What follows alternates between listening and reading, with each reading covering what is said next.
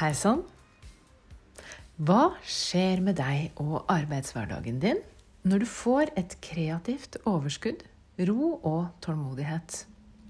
Og hva er konsekvensene av å bli bevisste og trygge på verdiene våre, og dermed vår egen formidling? Ja, det her det er jo en vei vi stadig går på, og vi lærer jo hele tida noe nytt. Så vi blir aldri perfekte, og det er jo heller ikke noe jeg mener vi bør prøve å bli. Men det er jo bare fint å sette kursen din i en retning som gir deg ro på veien din. Hvor du lar deg sjøl få prøve og feile, og hvor du er i stand til å ivareta din egen handlekraft. En viktig ting vi oppnår, det er å jobbe med kunden vi ønsker å jobbe med. Vi liker å kalle det for drømmekunden. Jeg kaller det kunden som deler dine verdier. Og grunnen til at jeg gjør det, det er at eh, jeg vil at vi skal bli bevisst på hvorfor noen kunder passer bedre for oss enn andre. Og hva skjer når du får de her kundene som passer for deg? Hvordan blir hverdagen? Alt oppleves naturligvis lettere når noe så viktig er på plass.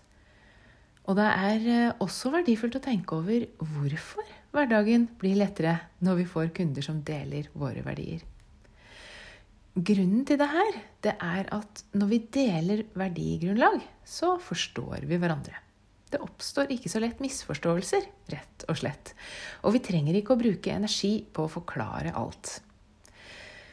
Når vi har et felles verdigrunnlag i bunnen, så jobber vi på samme måte og mot samme mål. Vi tar ansvar for de delene av prosessen som vi trenger å ta ansvar for, på hver vår kant. Vi har også den samme forståelsen av hva som skal til for å oppnå det resultatet vi ønsker. Hvis du har tiltrukket deg kunden som ønsker at du skal gjøre jobben for henne eller han, så vil dere ha helt forskjellig oppfatning av hva som skal til for å oppnå et resultat. Og her er misforståelsen allerede fundamentet for samarbeidet. Det utgjør en dårlig grunnmur for det dere skal bygge sammen. Det fins ingen bedre grunnmur for et samarbeid enn et felles verdigrunnlag. La oss se for oss at du har de kundene du ønsker, altså drømmekundene.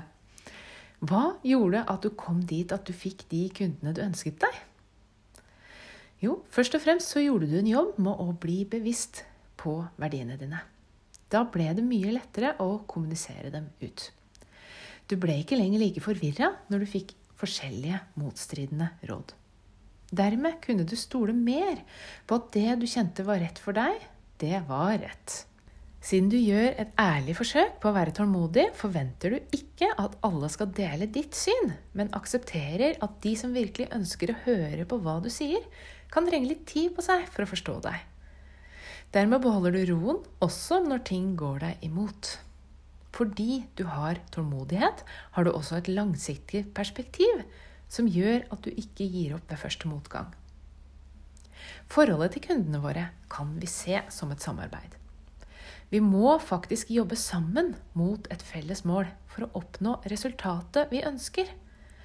Og hvis vi ser det sånn, da sier det seg sjøl at det er veldig viktig for deg at kunden du skal jobbe med, har forstått hva som er dine grunnverdier. Hvordan klarte du å nå ut til denne kunden? Jo, at du bestemte deg for å være tålmodig, gjorde at du valgte en måte å formidle det på, slik at kunden forsto hva produktet ditt gikk ut på, istedenfor å lokke til deg flest mulig på kortest mulig tid. Prisen du satte, var en sentral del av denne formidlinga. Du dumpet ikke prisen din for å få flest mulig kunder på kortest mulig tid. Du ville heller at de kundene du fikk, skulle være kvalitetskunder. Dvs. Si kunder som det var sannsynlig at du kom til å beholde. Prisen du satte, gjorde nemlig at eh, kundene måtte tenke seg om to ganger før valget om å bruke akkurat deg ble tatt.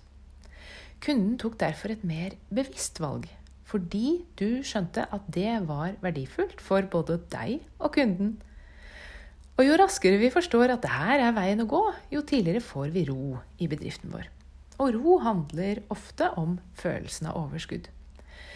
Du får også bedre tid fordi du bruker tida di på en måte som er nyttig for deg. Har du tiltrukket deg feil kunder, så er det faktisk ganske vanskelig å få følelsen av overskudd. Men når vi har kommet dit at vi har funnet kunden som deler våre verdier, ja, da går vi aldri tilbake igjen. Da er vi takknemlige for en hverdag som blir fylt av overskudd og mestringsfølelse. Og nettopp takknemlighet skal jeg snakke mer om i neste episode. Ha en modig dag så lenge.